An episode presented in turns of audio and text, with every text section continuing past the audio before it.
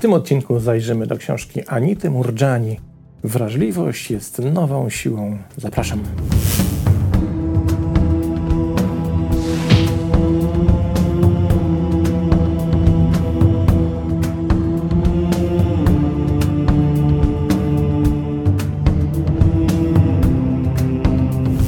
I tradycyjnie najpierw przyjrzymy się, kim jest autorka książki. A autorka książki, szanowni państwo, w naszym kraju wcale nie jest osobą anonimową, ale posłuchajmy opisu. Gdyby lekarze mieli rację, Anita Murdżani dzisiaj by nie żyła. Anita Murdżani, obecnie międzynarodowa mówczyni i autorka bestsellerów New York Timesa według lekarzy rankiem 2 lutego 2006 roku, miała zaledwie kilka godzin życia przed sobą, bo zdiagnozowano u niej nowotwór złośliwy. Doświadczyła śmierci klinicznej wówczas, podczas której, jak opowiada, wkroczyła do innego wymiaru. Twierdzi, że miała wybór, czy wrócić do życia, czy też pozostać po tamtej stronie. Anita zdecydowała się powrócić do tego życia, kiedy zdała sobie sprawę, że niebo to stan, a nie miejsce. Dzięki tej świadomości dokonała niezwykłego i całkowitego wyzdrowienia w ciągu kilku tygodni od wyjścia ze śpiączki – kiedy podzieliła się swoją historią, stała się ona wiralem w internecie, ciesząc się ogromnym zainteresowaniem na arenie międzynarodowej. Książka, którą napisała o swoich doświadczeniach z 2012 roku, Dying to be Me, w Polsce została wydana pod tytułem Umrzeć, by stać się sobą w 2013 roku. Trafiła ta książka w Stanach Zjednoczonych na listę bestsellerów New York Timesa w ciągu dwóch tygodni od premiery, pozostając tam przez 9 tygodni Została przetłumaczona na 45 języków i sprzedała się w ponad milionie egzemplarzy na całym świecie. Druga książka, A co jeśli jesteś już w niebie, taki miała tytuł, również ukazała się w Polsce w 2016 roku, stając się ogólnoświatowym kolejnym bestsellerem. Obecnie autorka podróżuje po świecie, prowadząc prelekcje i warsztaty, a także przemawia na konferencjach, wydarzeniach specjalnych. Urodziła się w Singapurze w hinduskiej rodzinie, przez większość swojego życia mieszkała w Hongkongu. Od drugiego roku życia dorastała, mówiąc jednocześnie po angielsku, kantońsku i w jednym z indyjskich dialektów. Przed diagnozą raka i NDE, co jest skrótem od słów doświadczenia śmierci klinicznej, przez kilka lat pracowała w branży korporacyjnej. Obecnie mieszka w Stanach Zjednoczonych. A zatem mamy autorkę dwoma bestsellerami znanymi w Polsce dotyczącym tych pogranicznych doświadczeń życia i śmierci, tego jak można wyjść, jak można radzić sobie ze śmiertelną diagnozą, jakie są tego konsekwencje. To zrobiło oczywiście olbrzymią furorę na świecie, ale ja wybrałem książkę Anity Murdżani, która ukazała się trzy miesiące temu, najnowszą i której w Polsce jeszcze siłą rzeczy nie ma i nie wiemy, czy w ogóle w Polsce zostanie wydana. Ale ta książka nie dotyczy tych wszystkich doświadczeń, z którymi koleżanka Anita Murdżani jeździ po świecie z prelekcjami, o których opowiada w kontekście walki z rakiem, wyjścia, przejścia na drugą stronę i postrzegania swojego życia na nowo. Wybrałem tę książkę z zupełnie innego powodu. Otóż to nie jest książka o umieraniu, to nie jest książka o walce z chorobą, to nie jest książka o doświadczeniach bliskich, śmierci, czy też śmierci klinicznej, bycia po drugiej stronie. Książka Anity Murdżani najnowsza jest książką bezcenną, ponieważ dotyka pewnego fenomenu, którego doświadczamy, a na który nie zwracamy uwagi. A wiem, że przynajmniej po moich filmikach cieszy się dość sporym zainteresowaniem, bo mówiłem swego czasu o HSP, czyli o ludziach z takim efektem dużej, wysokiej wrażliwości, ponadprzeciętnej wrażliwości. I ta książka dotyczy trochę takich ludzi, ale dotyczy wrażliwości w jej bardzo specyficznym rozumieniu, wrażliwości przełożonej na empatię. I tak naprawdę Murjani napisała przegenialną książkę o empatii. O tym, czym jest empatia, ta prawdziwa, jakie z niej Możemy mieć korzyści, będąc empatami, jak to ona wielokrotnie i często w tej książce pisze. I co możemy zrobić, by będąc tymi empatami, móc dzielić się naszą empatią ze światem. I uważam, że ta książka jest pod tym względem absolutnie bezcenna, bo pokazuje rzeczy z zupełnie nowej perspektywy. Ale posłuchajmy najpierw pierwszego fragmentu. Czy kiedykolwiek widziałeś dziecko, które upadło i odrapało kolano i poczułeś to we własnym ciele? Czy kiedykolwiek byłeś z przyjacielem, który czuje się niespokojny lub przygnębiony i zacząłeś odczuwać ten sam dyskomfort lub podobny dyskomfort? Czy czujesz się wyczerpany, wyczerpana, przebywając z niektórymi ludźmi? Niespokojna, czy też niespokojny w tłumie? Czy też doświadczasz takiego poczucia, że jakby coś ci wewnątrz krzyczało, że ta osoba, z którą właśnie rozmawiasz, nie mówi prawdy? Czy kiedykolwiek powiedziałeś, powiedziałaś tak na czyjąś prośbę, kiedy każda komórka Twojego ciała krzyczała nie? Czy powiedziano Ci, że jesteś zbyt wrażliwa, zbyt emocjonalny, zbyt słaba, słaby lub że za bardzo Ci na czymś zależy? Czy pytano Cię, dlaczego nie możesz być taki, taka jak wszyscy inni? Jeśli Twoja odpowiedź na te pytania brzmi tak, to masz dokładnie tak jak ja, pisze autorka książki i wiele innych osób, z którymi rozmawiałam na co dzień, tocząc rozmowy. Istnieje prawdopodobieństwo, że jesteś empatą, bardzo wrażliwą osobą, która czuje i absorbuje myśli, emocje, energię innych. Empaci mają wyjątkowy sposób patrzenia, odczuwania świata. Odczuwamy rzeczy głębiej. Mamy wysoko rozwiniętą intuicję, zakładamy, że wszyscy postrzegają świat tak jak my. Ale w rzeczywistości większość nie. Większość tego nie podziela. I dlatego tak często czujemy się tak dziwnie oraz tak inni. Dla empatów dzisiejszy świat jest polem minowym. Empaci podtrzymują cechy, które nasza kultura stopniowo straciła w ostatnich latach: wrażliwość, życzliwość, współczucie. Empaci zawsze istnieli, a przy obecnym stanie naszego świata powstaje coraz więcej książek, które mają nam pomóc. W rezultacie nie tylko coraz więcej osób uświadamia sobie, że są empatami, ale liczba ta może też dosyć szybko rosnąć. Pierwsze ważne rozróżnienie, na którym się za chwilkę skoncentrujemy, to jest rozróżnienie tego, co tak naprawdę autorka ma na myśli mówiąc empata, a co tak naprawdę autorka ma na myśli mówiąc osoba wysoko wrażliwa, HSP. I czym to się różni? Okazuje się, że różnica jest znaczna, ponieważ każda osoba wykazująca cechy empatii, według autorki, jest jednocześnie osobą wysoko wrażliwą, czyli wypełnia wymogi HSP, ale nie każda osoba wysoko wrażliwa, czyli tak zwany HSP, jest empatą. Ciekawe, prawda? Posłuchajmy, co ma do powiedzenia autorka w tej kwestii. Ważne jest, aby zrozumieć różnicę między byciem wrażliwym a byciem empatą. Empaci mają wszystkie cechy HSP, ale mają znacznie bardziej intensywne doświadczenia, nie tylko czują, ale także absorbują pozytywne i negatywne energie wokół nich. Różnice pomiędzy HSP a empatą mogę pokazać na przykładzie mojego własnego życia. Oto mój mąż, Denny, jest bardzo intuicyjny i z łatwością wyczuwa potrzeby innych ludzi, zanim je jeszcze wyrażą. Jest kimś w rodzaju naturalnego opiekuna. Jednak nie jest empatą ponieważ wydaje się, że nie absorbuje energii innych ludzi we własnym polu. Teraz uwaga, będzie bardzo ważna definicja. Nie potrzebuje, ten nie potrzebuje, aby wszyscy wokół niego czuli się dobrze, aby sam mógł poczuć się dobrze. Podczas gdy ja, pisze autorka o sobie, potrzebuję ludzi wokół mnie, aby czuli się dobrze, bo wówczas wpływają również na to, że ja się dobrze czuję. Empaci po prostu czują się dobrze tylko wówczas, kiedy ludzie wokół nich czują się również dobrze, więc nieustannie ratują innych i nieustannie oddają się temu, by pomagać innym. Dużo się wyjaśniło, prawda? I teraz dużo łatwiej nam jest sobie to wyobrazić.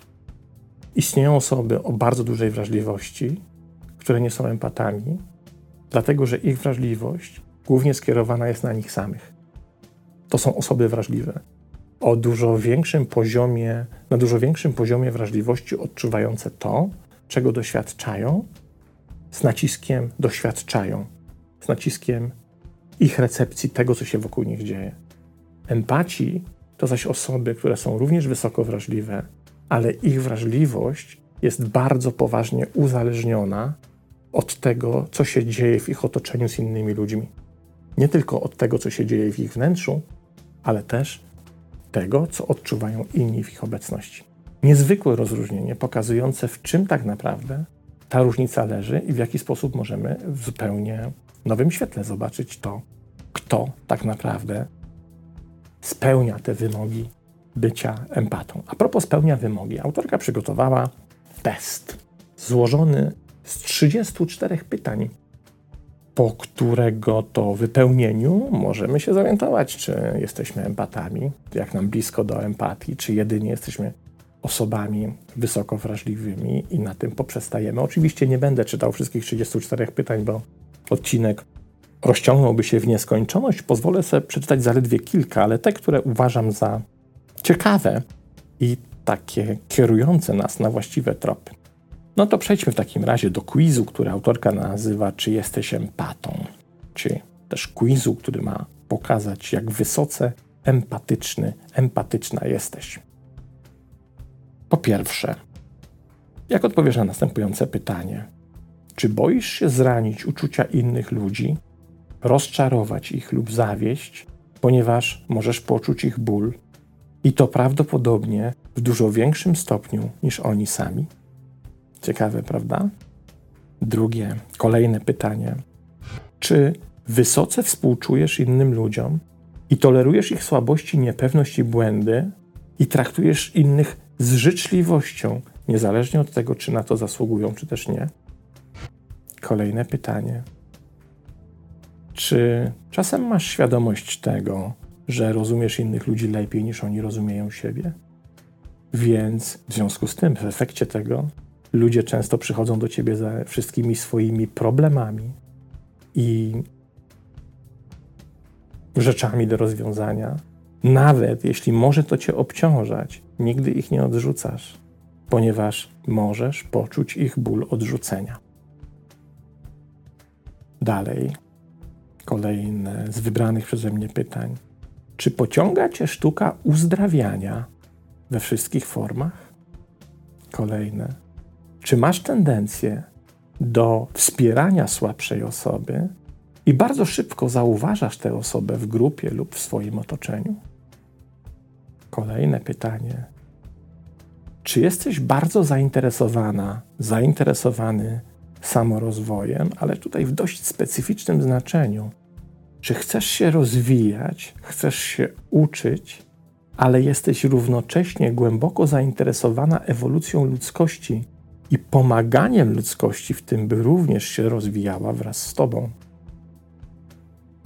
Kolejne, jakżeż zaskakujące. Czy czujesz głębokie powinowactwo w stosunku do świata roślin?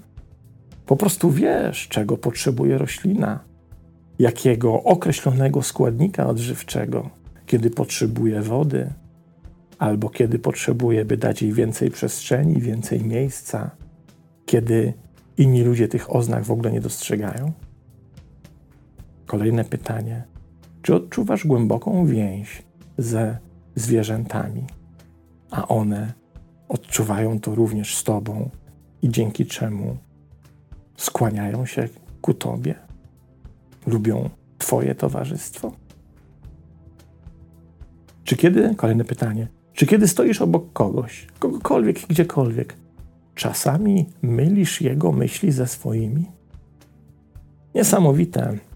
Tych pytań jest 34 i tutaj pogratulować autorce, bo włożyła w ich opracowanie olbrzymi wkład, ale sama ich treść skłaniają nas do zupełnie innego zobaczenia tego, czym jest empatia. Ale posłuchajmy dalej, bo empatia, zdaniem autorki, również ma swoje koszty. Bycie empatą wiąże się z wieloma potężnymi darami, ale może być również niezwykle bolesne.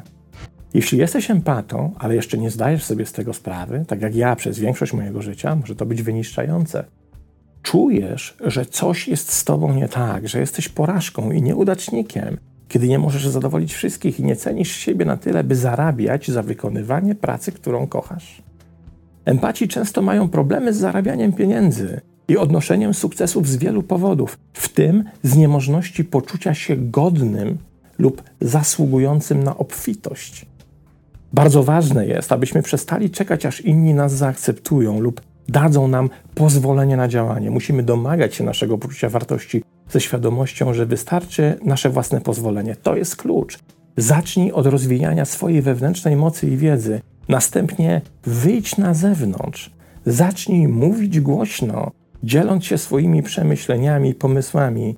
Wyrażaj siebie z tego miejsca wiedzy, pewności siebie i miłości własnej. I z tego miejsca podejmij świadomą decyzję, by działać, robić krok do przodu, przewodzić, aby wykorzystywać swoją moc, zamiast z niej rezygnować. Bo Twoja wrażliwość jest Twoją supermocą.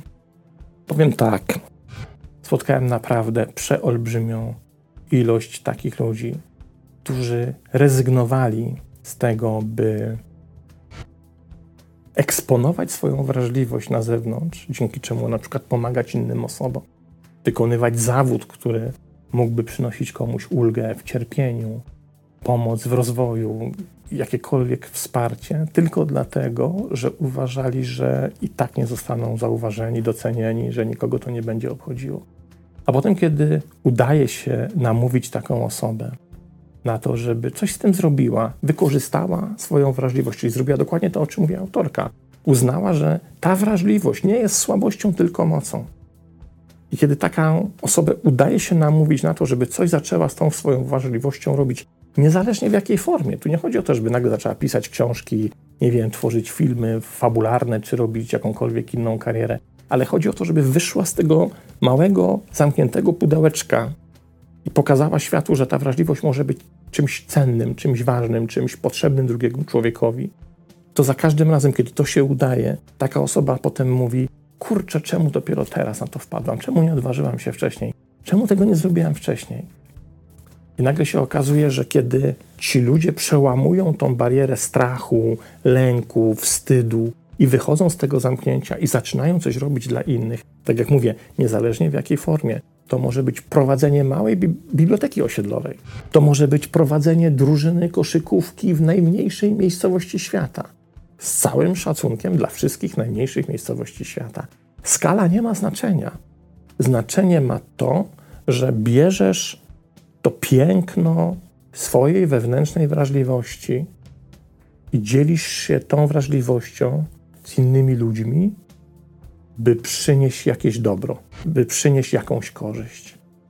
I wtedy nagle się okazuje, że te problemy z zarabianiem pieniędzy zaczynają znikać tak jakby wszechświat się tak ucieszył z tego powodu, że wreszcie postanawiasz wyjść z tej malutkiej skorupki, że wreszcie postanawiasz pozbyć się tego lęku, że zaczyna ci za to płacić w różnych formach. Ale nagle te problemy finansowe, jak pisze autorka, których w swojej przerażającej większości doświadczają empatii, przestają być tak dokuczliwe. To nie chodzi o to nagle, że oto staniesz się milionerką czy milionerem i nagle zaczniesz opływać w luksusy. Nie. Chodzi o to, że przestaniesz zastanawiać się, co włożyć za miesiąc, czy też jutro do garnka. To tylko i wyłącznie o to chodzi. Ale życie staje się prostsze właśnie dzięki temu wyzwoleniu się z tych okowów, tego pancerzyka, wstydu, lęku, wycofania i świadomości oraz przeświadczenia tego, że nikt nie zechce słuchać tego, co masz do powiedzenia.